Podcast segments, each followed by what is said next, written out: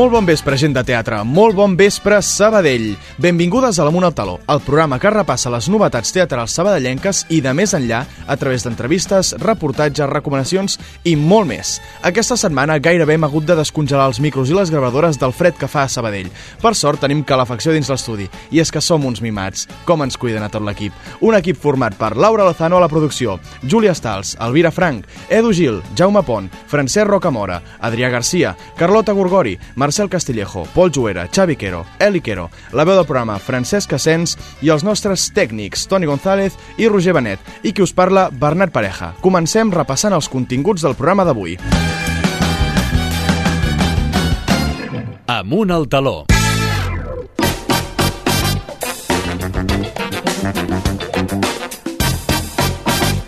Som-hi, alcem el taló. A la secció de la platea indiscreta repassarem les novetats del teatre sabadellenc d'aquest finals de gener amb la Júlia Stals. Després parlarem amb el Marcel Castillejo i dues actrius sobre la segona obra del cicle Manuel de Pedrolo que s'està representant aquesta temporada al vestíbul del Teatre Sant Vicenç.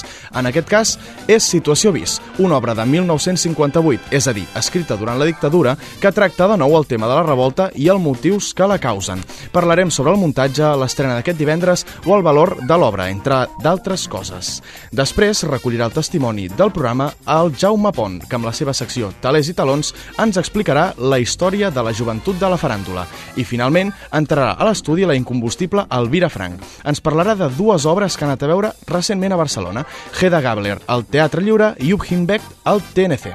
Els dimecres al vespre, amunt al taló. A Ràdio Sabadell.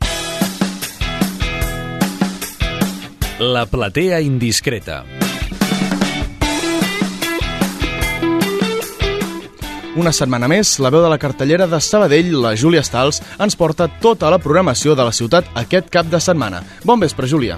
Bon vespre. Doncs sí, aquesta setmana tornem forts. Sí? Més forts que la setmana passada, jo crec. Què pot anar a veure doncs, la gent de Sabadell si té ganes de teatre? Què tenim en cartellera? Pot començar el Teatre Sant Vicenç, que estrenen Situació Vis aquest divendres i dissabte a les 10 de la nit i diumenge a les 6 de la tarda, fins al 3 de febrer.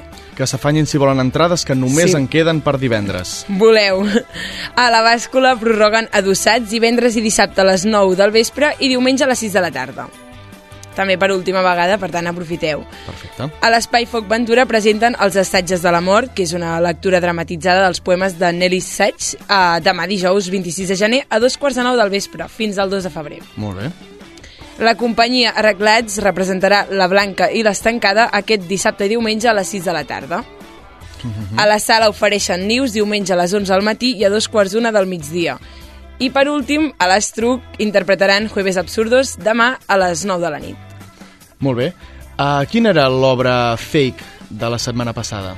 L'obra fake de la setmana passada era que la companyia endavant estrenava un diumenge normal i diferent i era, I era ben mentida. mentida, fake, fake. Molt bé, doncs toca fer un recordatori aquesta setmana també. I tant, cada setmana. Com sempre, recordem que es pot trobar gran part de l'oferta cultural de la ciutat a l'aplicació Sincronitzats disponible a iOS i a la web de Sabell Cultura. Molt bé, doncs moltes gràcies, Júlia. Seguirem dimecres vinent repassant la cartellera de la ciutat. Bona setmana. Bona setmana.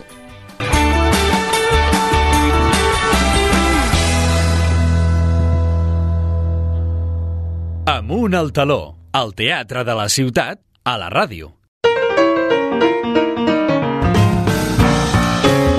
L'entrevista.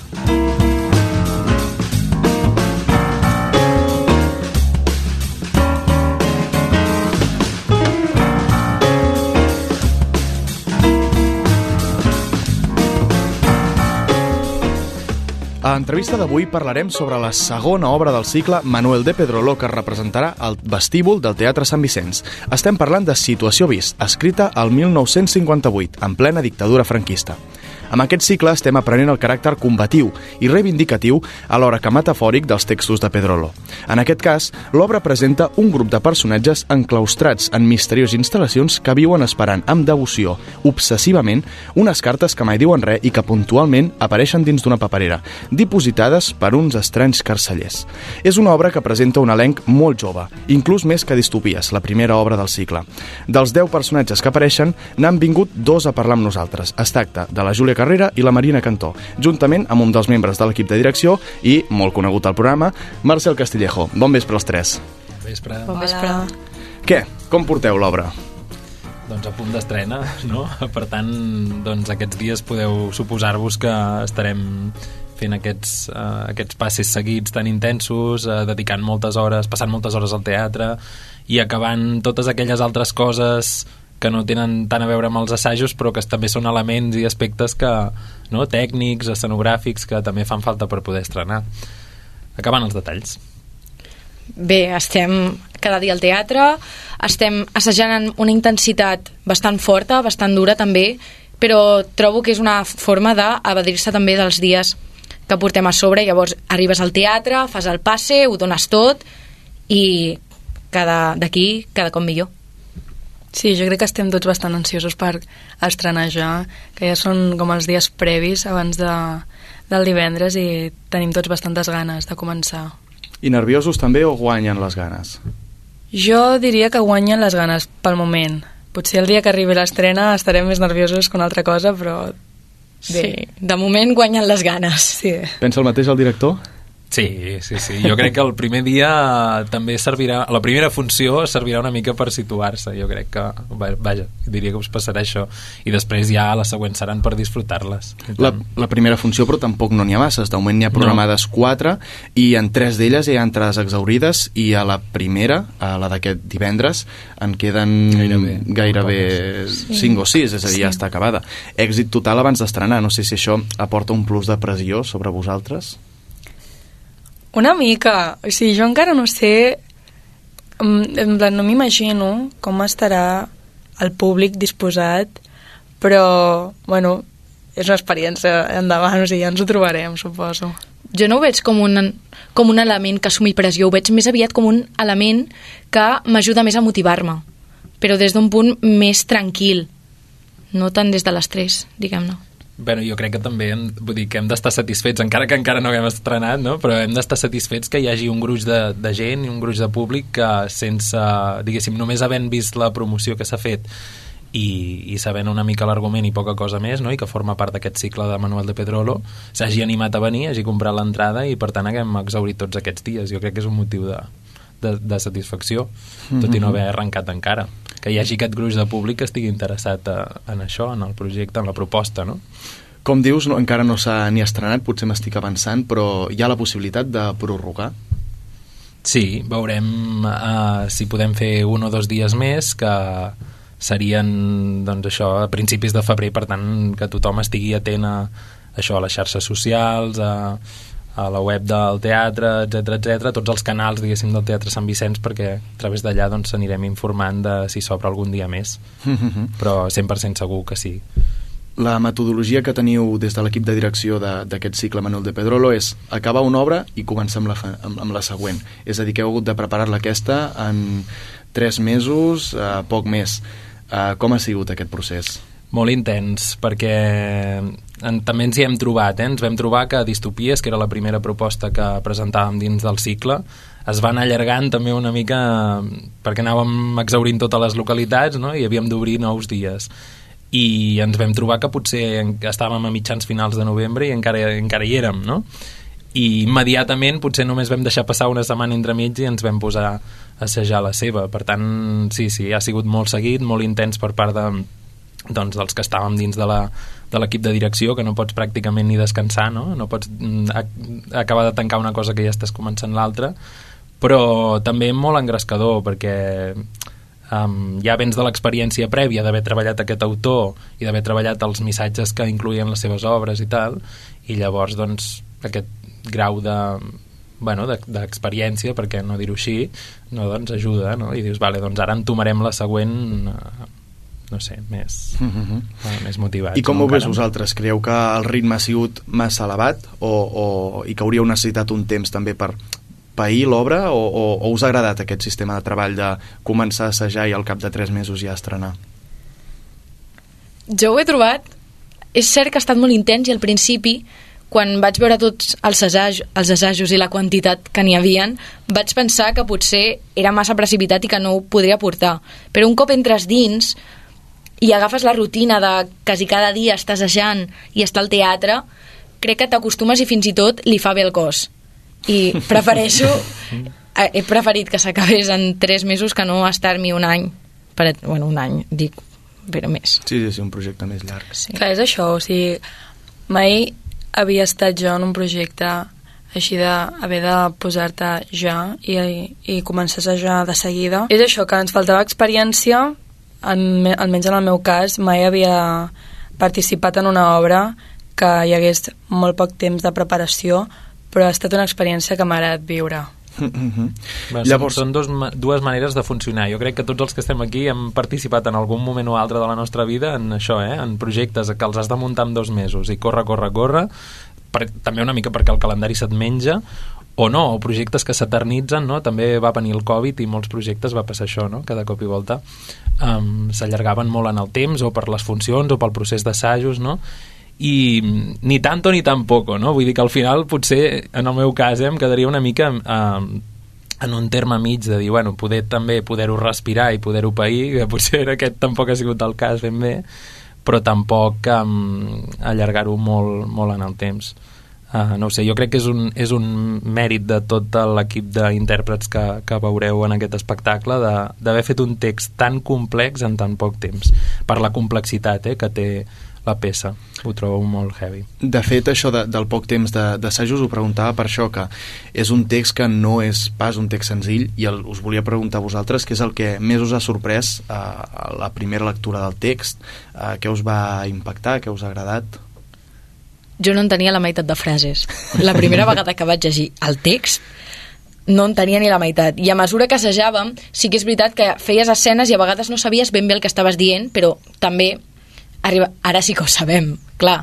També hem fet rondes de preguntar-dubtes i a poc a poc anar descobrint uh, tots els significats que hi havia darrere el text, ja no només de les paraules, com jugàvem amb elles a través de tota l'obra, o acaba fent un procés més interessant que si, per exemple, ho hagués sapigut des del principi, tot el que volia dir.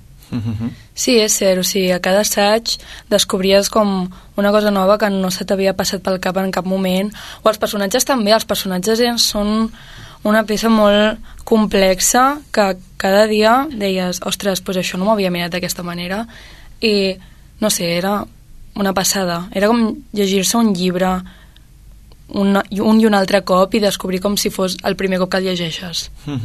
Jo crec que lo interessant d'aquesta obra és que mm, l'autor no dona, o sigui, no dibuixa el perfil de, de cada un dels personatges. Els personatges tenen assignades unes rèpliques i tu aquella rèplica la pots dir d'una manera, d'una altra, li pots donar una intenció i una altra i aquesta crec que és la, bàsicament la, la feina que hem estat fent eh, aquests mesos Uh, i és que dona molta poca informació. No tens tampoc, per exemple, el bagatge d'aquell personatge que li haurà passat abans no? de que hi hagi de que, de que passi l'acció. I, i clar, tot això doncs, llavors recau diguéssim en la direcció i en els que estan fent d'actors i, i d'actrius en aquesta peça i no sé, ho trobo, la, tro la, la trobo molt críptica i aquesta fe- feina l'hem hagut de fer i segurament un altre grup de teatre que l'haurà portat a, a escena en un altre lloc haurà fet els personatges radicalment diferents no? però bueno, aquesta és la, serà la nostra proposta De fet, els personatges tenen tots noms molt despersonificats, és a dir, que no es poden assimilar a, a noms que, que coneguem del nostre entorn. Um, això, juntament amb l'estètica de l'obra, que és una estètica bastant metafòrica, um, com heu volgut jugar uh, aquesta metàfora de, de l'obra, bastant semblant, uh, si em permets, la, la, la distància amb distopies, també, no? que també té aquest caràcter uh, més aviat suggerent. Clar, nosaltres quan parlàvem, diguéssim, amb l'Arnau Rodríguez i la Maria del Valle, que som els tres que hem format part de l'equip directiu, dèiem, a veure, què ens imaginem? Ens imaginem... Clar, tornem a estar una mica amb les característiques de les peces de, que formaven part de distopies, no? Espai tancat, personatges enclaustrats, veiem com mm, molt, més aviat fos, no? molta foscor, uns personatges que van uniformats um, i que per tant si van uniformats d'alguna manera també van com despersonalitzats uh, no? i és una qui- quina mena de societat és no? aquesta en la que viuen aquests, aquesta, aquesta mena de presoners no? I mica en mica ho vam, ho vam anar traient també amb pocs recursos, eh? vull dir que has de jugar una mica amb el que tens, tampoc mm -hmm. pots fer filigranes també estàs al vestíbul del Teatre Sant Vicenç que és un espai reduït i, i bueno, tampoc vull fer molt spoiler però de moment crec que a nivell de d'això, de, de simbolismes de, de, de, de colors de, de, de posicions de... crec que hi ha una feina aquí que també hem fet que és interessant i que si algú es vol fixar en això com a espectador o espectadora ho, ho pot fer i crec que algú podrà extreure que també és guai i, I vosaltres, noies, el fet aquest que, que fossin personatges que no es coneix el bagatge, que són com bastant oberts a l'hora de començar amb el text, ha sigut uh, més fàcil o més difícil que si us haguessin donat el, el personatge amb tots els seus trets?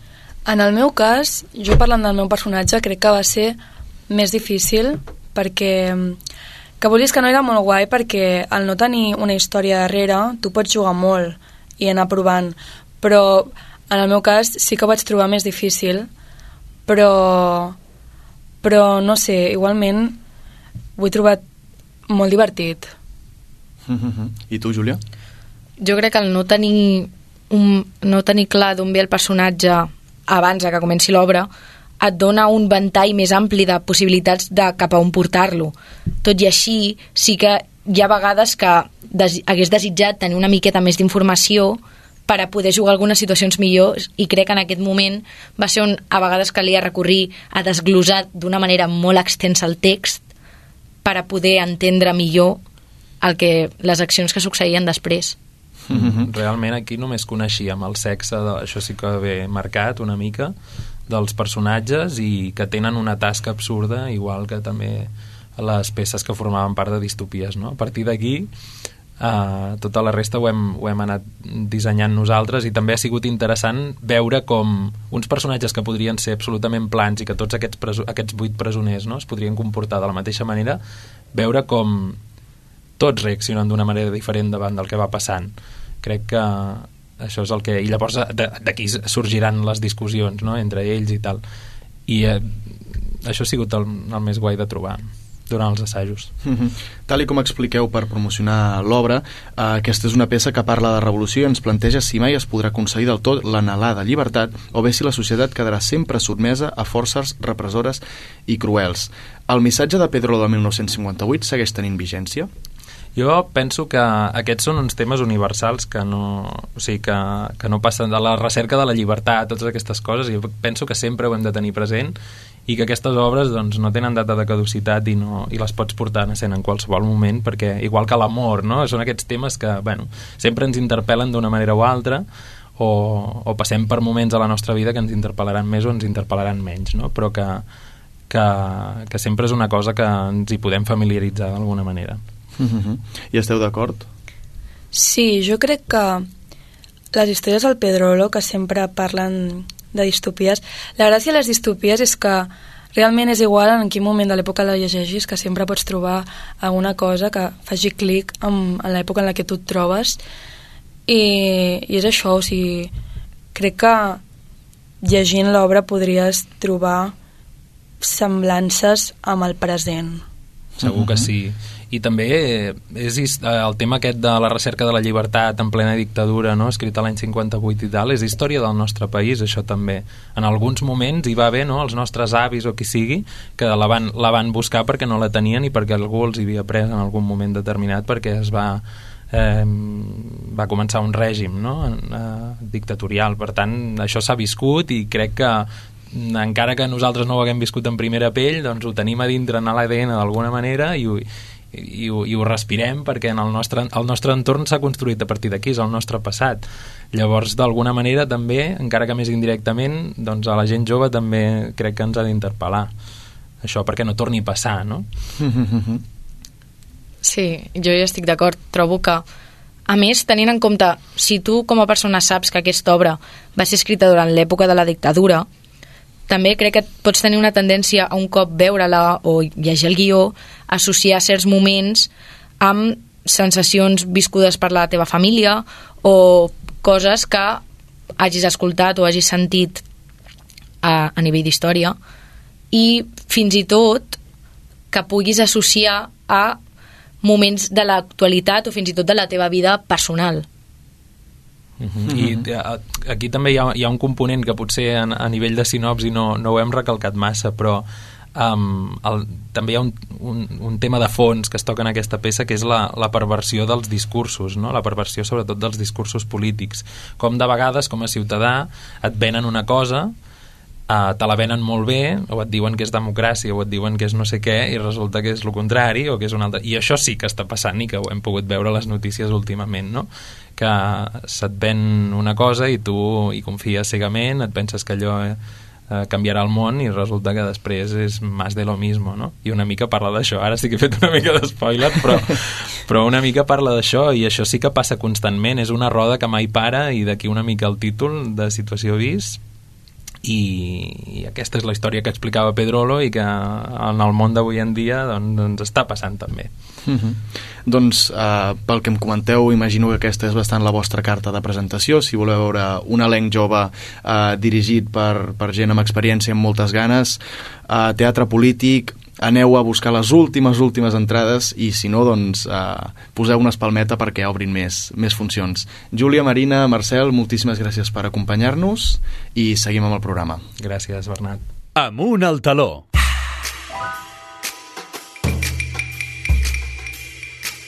Infiltrats.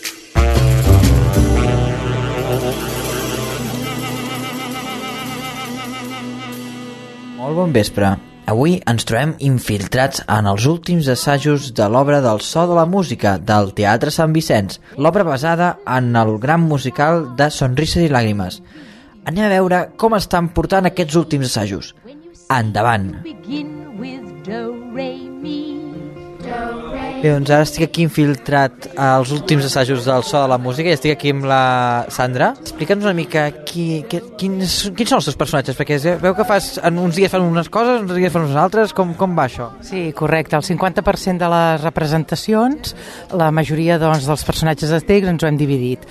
Uh, el 50% jo, sou, jo faig de monja i l'altre 50% faig de baronesa Elsa, que és la representa doncs, la, la promesa que està, bueno, que està promesa amb el capità. Mm. Què ha sigut per tu participar en aquest projecte? Bueno, molt important perquè és un projecte que portem des de l'abril passat assajant, aviat farà un any. Dintre del que és les arts escèniques us implica diferents disciplines, des del cant, el ball, la interpretació i et permet, a part, doncs, de tenir molts companys i companyes, és un treball en equip.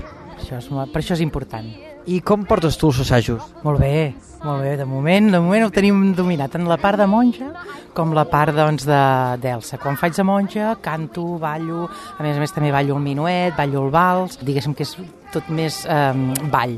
Quan faig d'Elsa és tot més interpretatiu, més text, i ho, ho porto, de moment, de moment ho porto controlat. Hi ha algun aspecte que t'estigui costant més, en concret, per haver aconseguit tots els seus personatges? Bueno, sempre hi ha alguna escena que se t'encalla més, com per exemple, sobretot eh, quan, quan, quan, fem de, quan faig d'Elsa, no? Cap al final hi ha una escena amb el capità, que és una escena més, més, més dura, que ja, bueno, qui, qui vingui a veure-ho doncs ja ho veurà, no? I aquí, doncs, bueno, requereix una mica més d'esforç i treball, però, però bueno, de moment tot molt bé, tot molt bé, sí. I heu mantingut fidelment la versió de la pel·lícula? Sí, sí, sí, sí, fidelment, fidelment, això sí. La gent que hagi vist la pel·lícula eh, veurà doncs, Es veurà identificat amb l'obra, totalment, totalment, sí, sí. Sí, no ha sigut una versió una mica alterada, no, no. Eh, es manté tant al nivell de cançons, a nivell de balls i a nivell una mica de lo que és el concepte de cada personatge. I què els dius als nostres oients per convèncer-los que vinguin a veure aquesta obra? Pues el nivell de cant és excel·lent. Nosaltres som una companyia de teatre amateur, tot i així eh, el nivell de, de lo que és el, el cant és excel·lent, el nivell del vals és excel·lent. És una obra familiar per, per tots els públics. Poden venir des d'una persona de 80 anys que hi disfrutarà fins a un nen de 5 anys que disfrutarà igual, o nena, no? Aleshores, és, eh, eh, val la pena veure-la perquè, a més a més, puja bastant al nivell del que és el teatre amateur, venir a veure aquesta obra.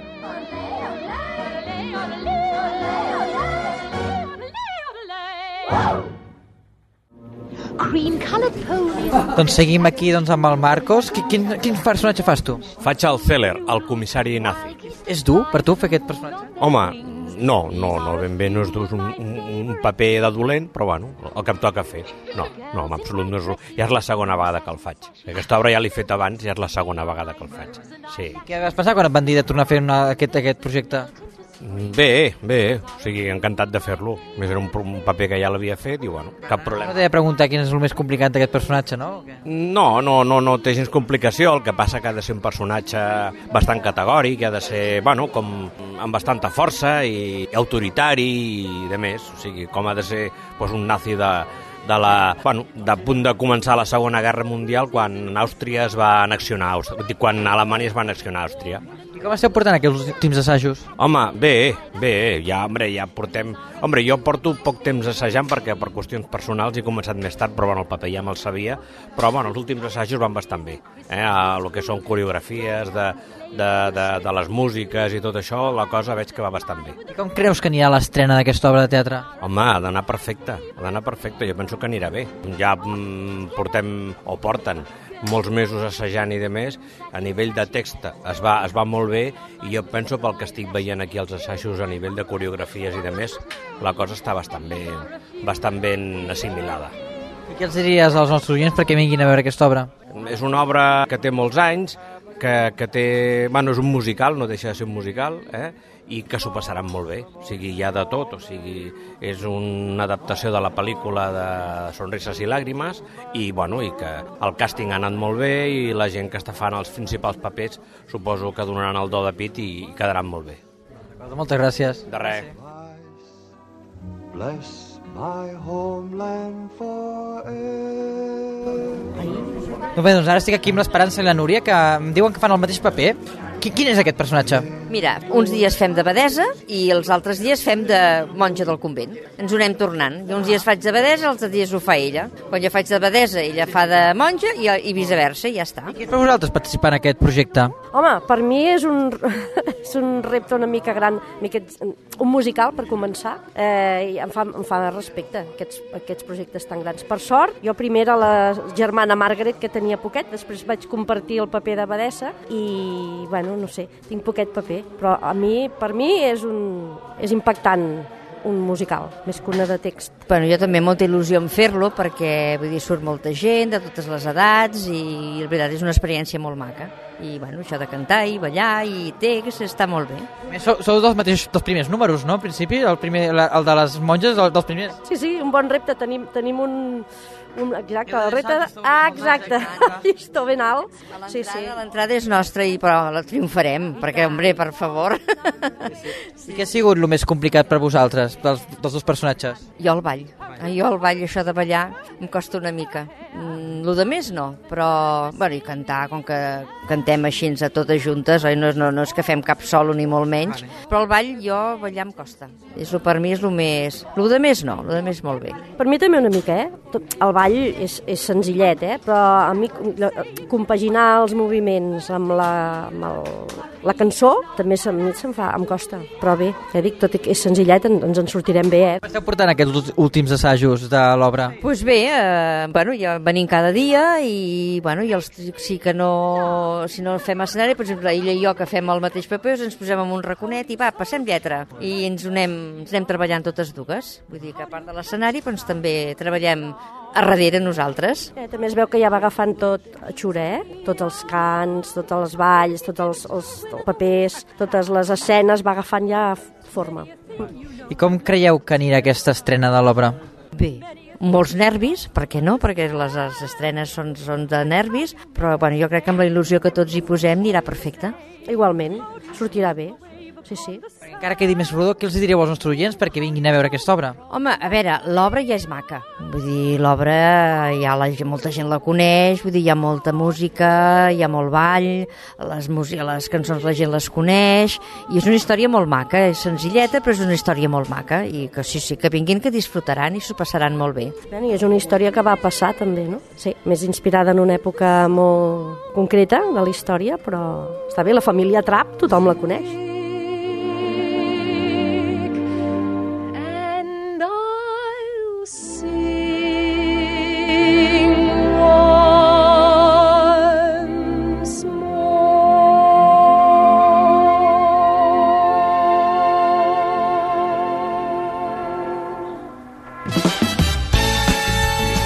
Posa't al dia de l'activitat teatral de la nostra ciutat a Ràdio Sabadell.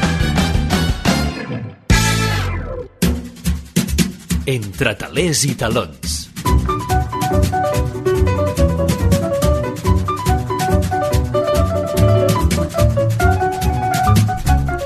I per seguir amb el programa ens visita després d'uns quants dies sense fer-ho en Jaume Pont, amb la secció d'Entre talers i talons. Bon vespre, Jaume. Bon vespre, què tal, Bernat? Com estàs? Molt bé, i tu? Bé, molt bé, molt bé. Aquí Què ens portes de avui? tornar-hi.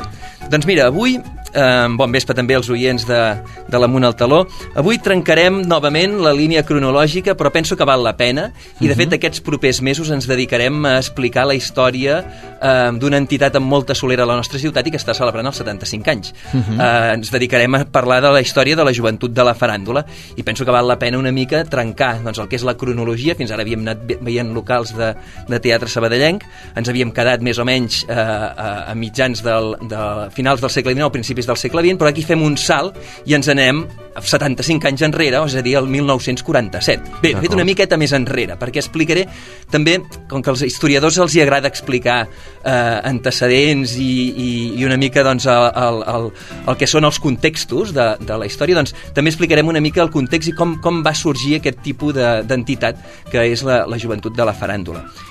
I a més a més també eh, perquè aprofitant, bueno, aprofitant eh, amb, amb el fet de, de que la, la coincideix eh, amb la mort també d'Agustí Vilallonga, eh, l'autor de, de, de, de, el director de pel·lícules com Pa Negre, penso que és interessant conèixer aquesta part de la postguerra civil eh, i una mica el, el que s'explica, el que explicarem avui és, seria una mica un Pa Negre però a la, Sabadellenc, a la teatre sabadellenc. D'acord. Vull dir que és, que és, que és interessant. Doncs tot teu, Jaume.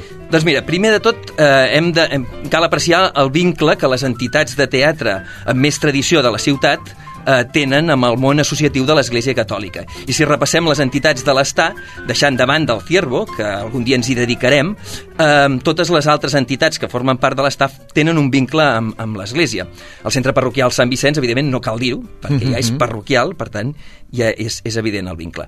Pel que fa al Teatre del Sol, eh, ja sabem que prové d'un d'un grup que es deia Palestra i que aquest grup eh, inicialment eh, formava part o provenia del cercle del centre parroquial de la Puríssima. Per tant, també hi havia un altre cop el vincle del Teatre del Sol amb l'Església Catòlica en els seus orígens. I la joventut de, les, de la faràndula, pel que explicarem avui, també doncs, veurem que prové dels orígens d'uns orígens també de l'associacionisme catòlic. Um, doncs eh, eh, us preguntareu per què passa això, no? Per què, per què, per què passa aquest vincle amb, amb l'associacionisme catòlic? Mhm. Doncs passa com amb tantes coses que passen actualment, que està vinculat, eh, és una conseqüència d'aquesta dura dictadura franquista eh, que es va encarregar de prohibir i perseguir a les entitats i associacions d'esquerra republicanes obreres i que, eh, que abans de la Guerra Civil doncs, també havien tingut grups de teatre amateur, totes aquestes eh, associacions i, i perquè hi havia doncs, eh, eh, abans de la Guerra Civil hi havia eh, associacions que feien teatre vinculades al món catòlic i també n'hi havia d'associacions vinculades eh, a moviments doncs, eh, polítics de caire republicà i obrers. Però eh, eh, amb la Guerra Civil totes les que formaven part doncs, d'això de, del món més d'esquerres doncs, es, van, es van prohibir i van desaparèixer i sí que eh, hi havia un tipus de teatre que era el teatre catòlic, que era el teatre que feien aquestes entitats eh, vinculades en el món de, de l'Església. I també la relació entre l'Església i el teatre també és una relació especial. Eh, S'ha de dir que durant molts anys l'Església havia perseguit el teatre i, i el teatre era un, era un element doncs, pecaminós i, i en canvi a partir del segle XIX, quan justament el, la, el, a partir de la Revolució Francesa, quan van començar a aparèixer moviments doncs, eh, del liberalisme, el socialisme i pensaments vinculats al moviment obrer, doncs el catolicisme va anar perdent aquesta predominància, aquest, aquest predomini sobre la societat. I, i a finals del segle XIX, per, per voler intentar recuperar doncs, tot aquest predomini social, va començar a crear diferents associacions en les quals també s'hi feia teatre, com un element doncs, de, de, de, diguem-ne, de cohesió social i d'apropar doncs, al, al món catòlic, a l'Església, doncs, a, a, el que havia anat perdent com a conseqüència de, de l'aparició de totes aquestes idees al llarg del segle XIX. Val? I així va ser com aquí Sabadell, concretament, va ser una de les ciutats més de, de les pioneres, de, de, comen- on van començar a aparèixer associacions de, de tipus catòlic, i, i una de les més importants, o la, la més important de totes, la va crear Fèlix Cerdà Salvany el 1870 i és l'Acadèmia Catòlica, que està justament una miqueta més avall de... de Aquí al costat de l'estudi, sí, els sí. estudis de, de Ràdio Sabadell, i allà també van començar a fer eh, teatre amateur. I, i aquest, aquest, aquest tipus de teatre que es feia dintre de les entitats catòliques era un teatre molt específic. Era un teatre que eh, només podien fer no, o homes o dones. No es podien, no es podien fer repartiments mixtes. Perquè això que hi haguessin doncs, homes i dones actuant a l'hora dalt de l'escenari era molt mal vist. Uh -huh. I, i, i, més- i per tant, esclar, calia crear obres de teatre exclusives en què només hi haguessin repartiments masculins o femenins. Femenins, clar. Sobretot masculins. La veritat és que les dones fessin teatre n'hi havia poques. D'acord. Però bàsicament eren, eren masculins. I, i per tant, eh, tot, es, es van arribar a crear editorials especials, obres de teatre especials que només es dedicaven eh, al teatre, al, aquest teatre, aquest tipus de teatre catòlic. I així arribem al 1939, amb la, després de la Guerra Civil, amb la desaparició de totes aquestes, eh, de totes les entitats doncs, de tipus eh, això d'esquerres, de, de republicanes, i que per tant només queda les entitats, o només es poden, perme no, només es poden permetre entitats que estiguin vinculades en el món catòlic, perquè l'Església sí que era l'única eh, l'única entitat o eh, l'única organització que el franquisme permetia que, que, es, pogués, que es poguessin eh, agrupar la gent. Hem de tenir en compte que, que el, havia resat amb tot i que en, en aquella època, en, a partir de 1939, eh, només es, eh, o sigui, per, per, per ser quatre persones, per trobar-se quatre persones, ja calia demanar un permís a l'autoritat com, competente del moment. Eh?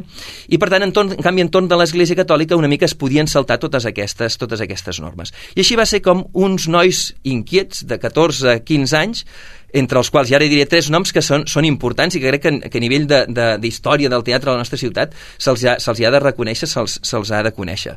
I va, hi havia tot un grup de, de, de, de, de, de, de nois eh, de 14 a 15 anys, entre els quals hi havia Joan de la Creu Ballester, Valentí Mestres i Pere Planes, que tots ells havien sigut eh, espectadors de, de, de les obres de teatre catòlic que s'havien fet abans de la guerra en la- l'Acadèmia Catòlica, que estaven integrats dins de la congregació mariana de Sant Lluís. Sant Lluís, eh, el patró de la joventut. Eh? Sant Lluís Gonçaga era patró de la joventut pels catòlics. D'acord. Val? I el, el conciliari, que també és un nom d'una altra, altra persona doncs, eh, destacada de, de, del que és la història, que, es, que, que cal, cal reconèixer doncs, el seu paper en la història del teatre de la nostra ciutat, era el pare Josep Maria Nolla, que era el conciliari d'aquesta congregació. Doncs aquest, aquests, aquests nois van començar a fer obres de teatre per infants, per, per, això, per, per nens.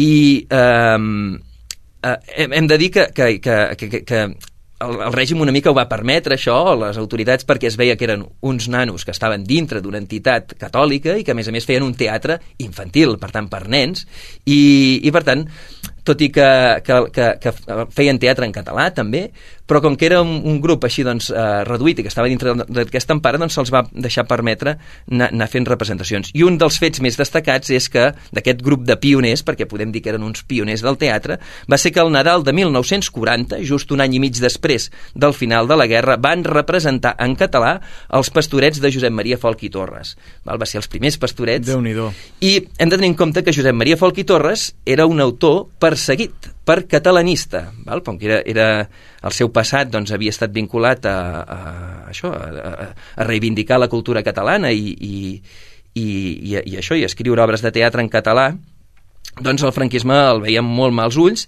i el tenia prohibit. Però en aquell, aquell 1940 aquest grup de joves van ser capaços de representar aquests, aquests primers pastorets, i en català.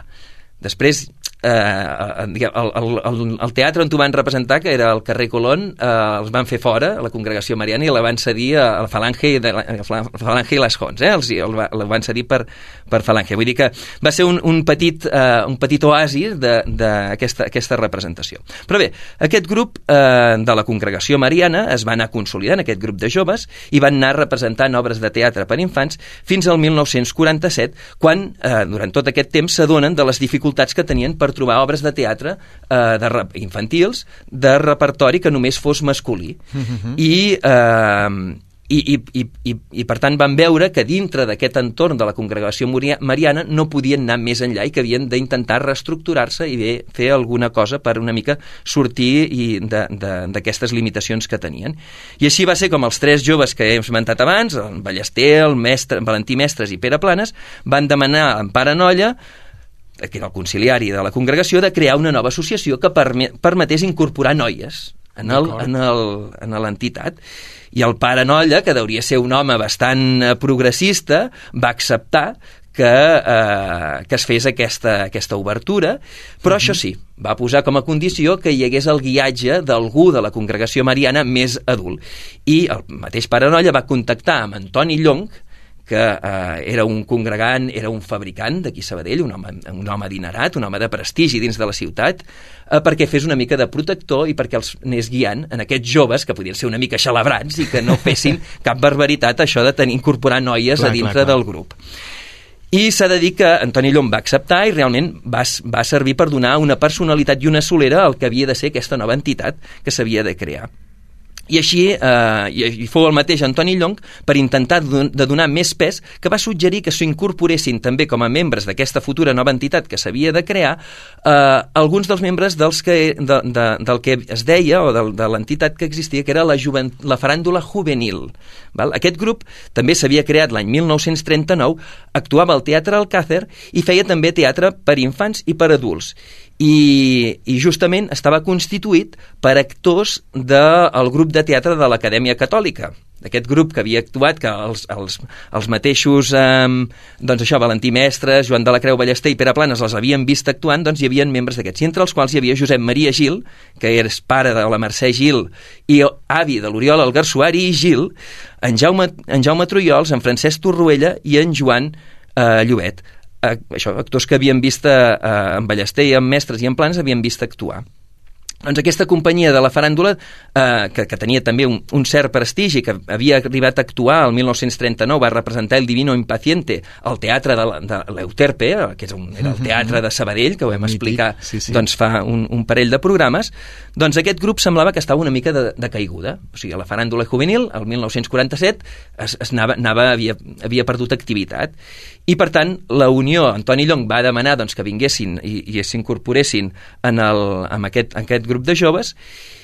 I, per tant, eh, així va ser com es va crear doncs, aquesta, aquesta unió entre eh, els, els de la faràndula juvenil, que, se supo, que eren un grup d'adults amb un cert prestigi, juntament amb tota l'empenta d'aquest grup de joves i amb el prestigi d'Antoni Llong, que era un fabricant, i, amb el, i amb el suport del pare Nolla, que era com l'Església Catòlica, que era com la benedicció. Mhm. I arribem aquí perquè s'acaba el temps i el proper dia, si un cas, ja explicaré com va anar exactament, exactament la fundació del que és la joventut de la faràndula. Perquè això són els antecedents i els orígens i de- de- d'aquesta època, a més a més, eh, fosca, complicada, una mica d'això, de, de, de, de pa negre, no? de, de, de, de, de l'època de pa negre, que, eh, que va ser doncs, aquest, aquest, aquest inici de, del que serà la joventut de la faràndula. Mhm.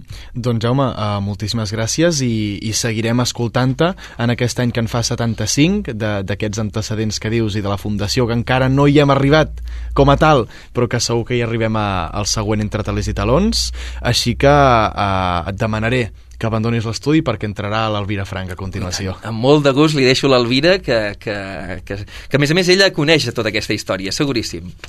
Gràcies, Jaume. Amunt al taló.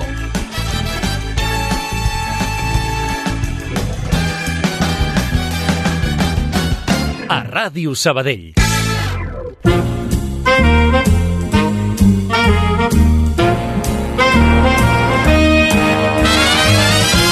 Teatre de Franc.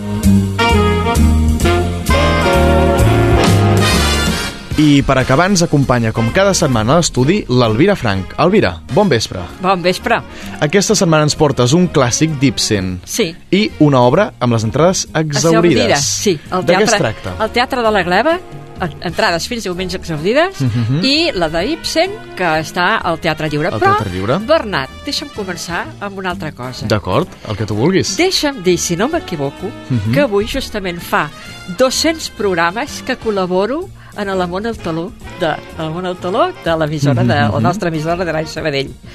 una tasca que m'il·lusiona moltíssim, dia a dia, que m'il·lusiona, que faig, la faig amb el màxim respecte als oients, explicant les meves opinions, són meves i prou. Mhm, Com hem dit, mhm. el, el teatre pot agradar a uns i a uns altres no tant, però mm, tot és teatre i, i el bonic és aquesta diversitat d'opinions. Jo poso la meva opinió dels teatres que he vist a Barcelona i intento transmetre la meva passió que sento per aquest teatre.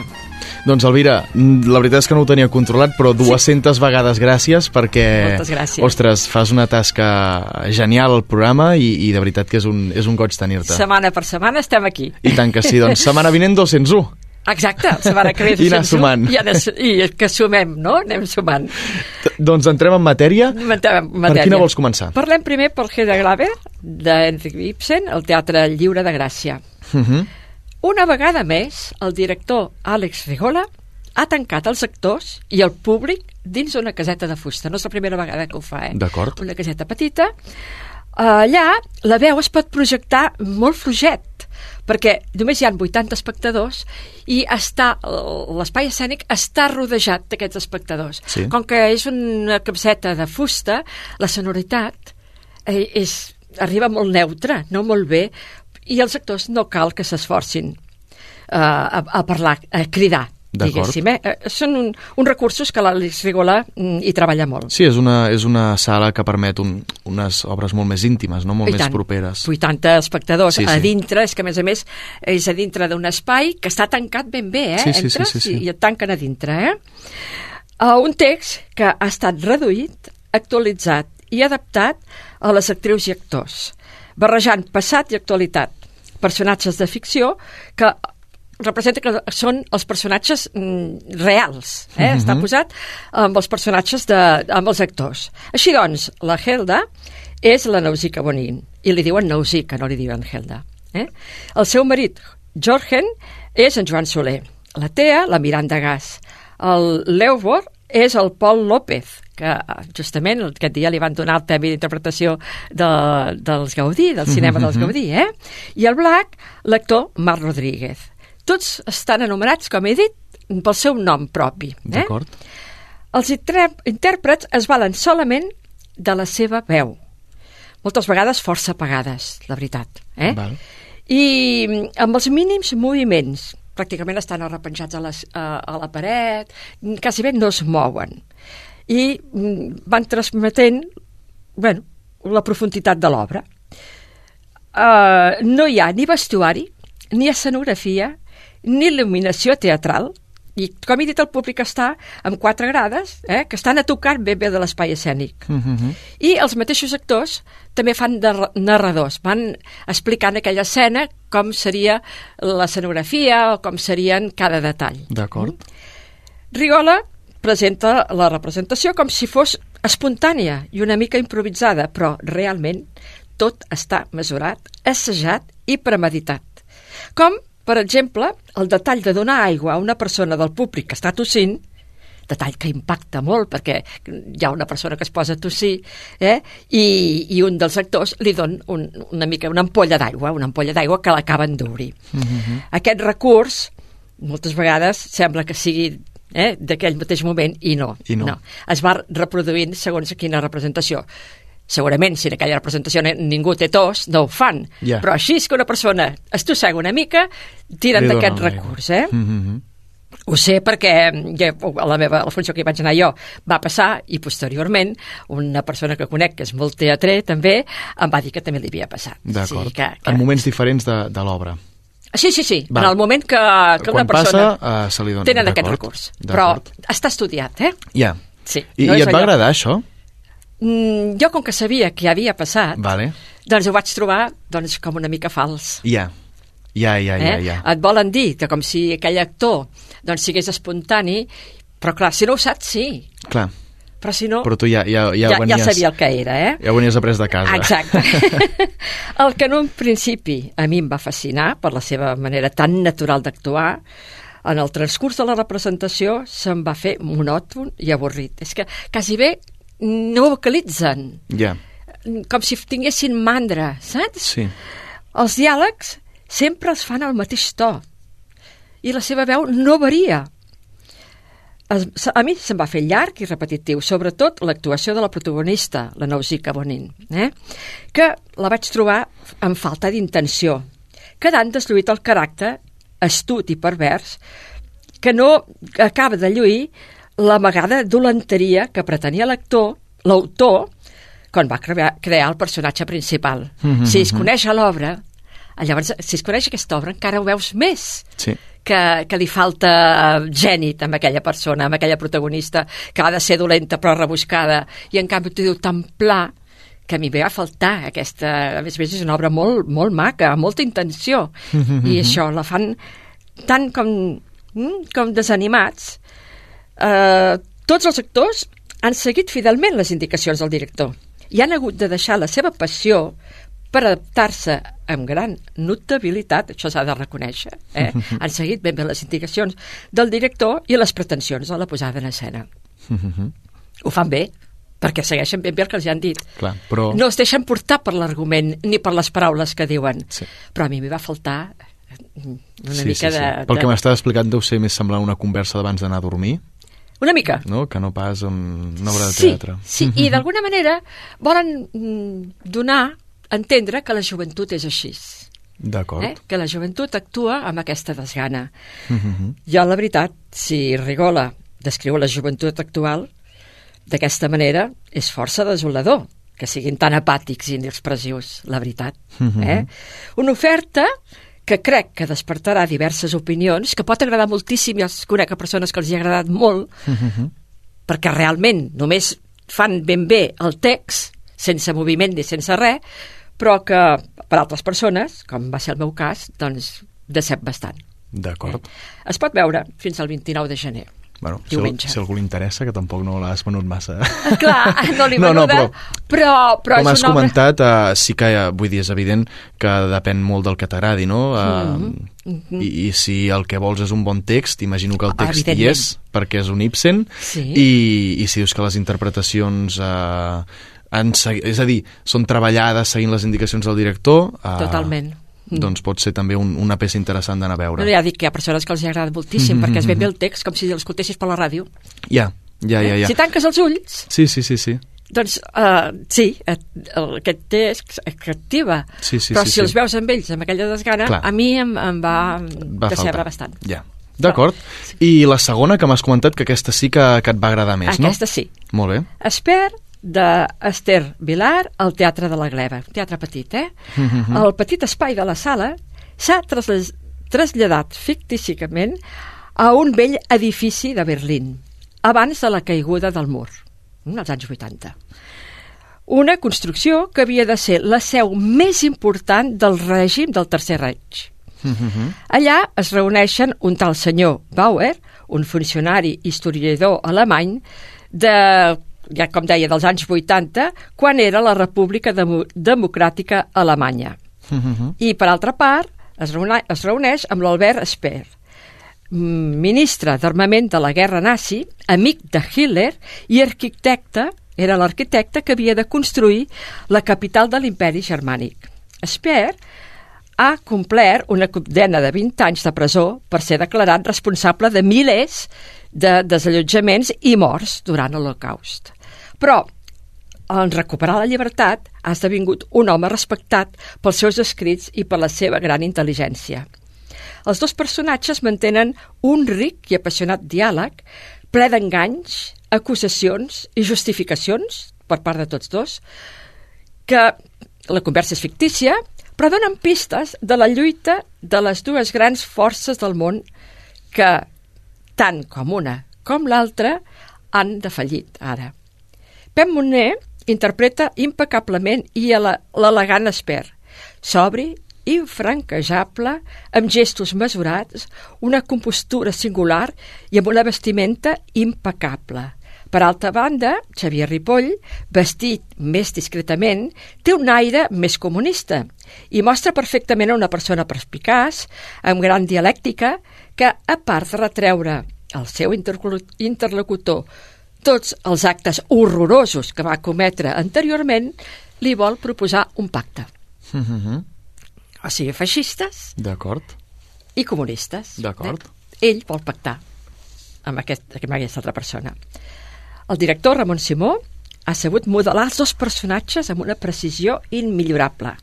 Qualitat que últimament hem tingut la sort de poder valorar amb els seus últims muntatges, que n'he parlat també aquí a l'emissora. Eh? Mhm. L'escenografia retrata perfectament un edifici en reconstrucció on s'ha posat la maqueta del que hauria pogut ser la seu del gran potencial eh, de la, de les potències més grans del món, Mhm, que no va mhm. arribar a ser perquè, Perquè va acabar es va acabar la guerra, derrotat. eh, per, Mhm. per, per, sort, per sort. Eh? La il·luminació va d'acord eh, que un imagini, amb una filmació que es fa a terra, eh, com hauria pogut ser aquesta enorme evo- ubicació. Eh? Mhm, Un mhm. palau enorme, amb una avinguda, t'ho fa imaginar, eh, la maqueta que havia fet aquest arquitecte, te la presenten eh, al, terra. terra. Que xulo. Molt, Que molt. xulo. Molt, molt ben posat, la veritat. Mhm, I a més a mhm. més és un tema molt interessant. Coneix, Sí. Desconeixem moltes coses de la Segona Guerra Mundial, Mhm, moltes mhm. coses també del comunisme. Desconeixem. Eh? El potent text fa reflexionar sobre la utilització del poder per les dues grans potències, la feixista i la comunista, que els mou el mateix afany de governar el món, tots dos. Eh? Dos estats totalitaris enfrontats, però que en definitiva tenen les mateixes maneres d'actuar. Un gran tema i unes excel·lents interpretacions i una gran direcció. Una obra necessària pels qui els agrada aprofundir en temes de la Segona Guerra Mundial i les seves conseqüències. Mhm. Aquesta obra, has dit, sí, que segurament estan totes les localitats exaurides, Mhm. però també representarà fins al 29 de gener. Potser la tornaran a fer. Perfecte. I potser fan bolos eh, o per Pot la ser. complexitat de, és del possible. muntatge no, no, es no, no, no és gaire complexa. A veure, el muntatge allà està molt bé, perquè et presenten, doncs, això, un, un local en construcció, Mhm, mig mhm. derruït, i la maqueta aquesta preciosa, una maqueta, Mhm, mhm. tots és amb tons marrons, i la maqueta aquesta és blanca, uniforme, saps? Sí, sí, sí. sí. Uh, I sobretot el vestuari està molt ben... Que molt xulo. ben, sí. molt ben doncs, trobat. doncs a veure, està, està tens, esper, Esper. eh, tal com, com són, amb dues es, Exacte. eh, per estar per és estar el nom atents. de, de l'Albert Alberto Esper, eh? el Mhm. nom de- d'aquest arquitecte. D'acord. Doncs, Elvira, abans d'acabar, eh, volia parlar-te de Situació Vis, eh, Sí. l'obra que representarà el Sant Vicenç a partir d'aquest divendres, que hem tingut fa una estona l'entrevista, que si algun dels oients té entrades per anar-hi el diumenge, que sàpiga que s'hi trobarà amb, eh, amb l'Elvira, perquè l'Elvira té una història lligada a aquesta obra, sí o no? Sí, doncs sí. Una obra que vam representar quan érem joves, no tan joves com els que l'interpretaran ara, Mhm. però érem joves. Uh, El mateix Teatre Sant Vicenç... No, No la, era- no, no, no era- no era el Teatre Sant No era el Vicenç. mateix Teatre Sant Vicenç. Era el que ara és la Fundació mm, de Cultura, de la Caixa de Sí, Sabadell, sí, eh, sí, el sí. segon pis que hi havia eh, a l'auditori. Era allà, la vam fer tres o quatre vegades també, com ara ho faran a Sant Vicenç. Mhm. I, I bé, doncs sí, eh, el Teatre de Sant Vicenç m'ha convidat a fer aquest col·loqui perquè és una obra que la vam viure molt, era després de la mort d'en Franco, era l'any Mhm. 1978, quan començava doncs, la democràcia aquí, i, i bé, és una obra escrita el 1958, que és Mhm. molt curiós que aquella època la, deixin, No, no, i la tant, i deixessin tant. publicar, I tant. i, i que nosaltres, doncs, com a joves rebels, que érem en aquella època, que sortíem d'una dictadura, Sí, sí, sí. eh, suposo que per les circumstàncies de que eh, volien fer mm, una obertura democràtica, ens, va, ens la van deixar representar. Havia estat prohibida, Ja. també. eh? La van deixar editar, però després la van prohibir. Mhm. A nosaltres ens la van deixar fer perquè érem joves, perquè això es feia una democràcia, anàvem de cara com- democràcia i ens la van deixar fer. Això és el que penso més o menys explicar i una mica l'obra que, que és una obra que Bé, que situació vist. Diem Sí, sí, només el sí, sí, títol sí. i llavors les persones que ho vinguin a veure I ja, tant. ja deduiran de què es tracta. Doncs fa una estona ens l'han venuda molt bé. Uh, segur que a més amb els teus comentaris serà, serà una sessió excel·lent. Moltes Elvira, gràcies. Uh, moltes gràcies i fins la setmana vinent. A vosaltres, fins la setmana que ve. Adéu-siau.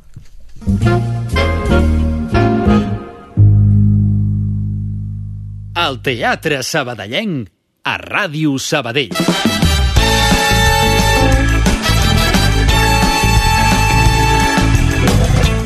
I aquí acabem l'Amunt al taló d'avui. Us recordem que podeu recuperar tots els nostres programes a Spotify.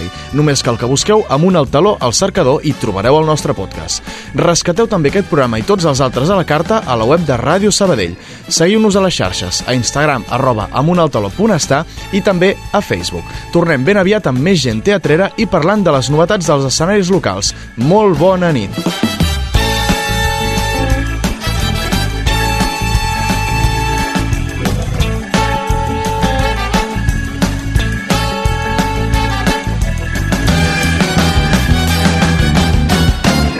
Amunt al taló.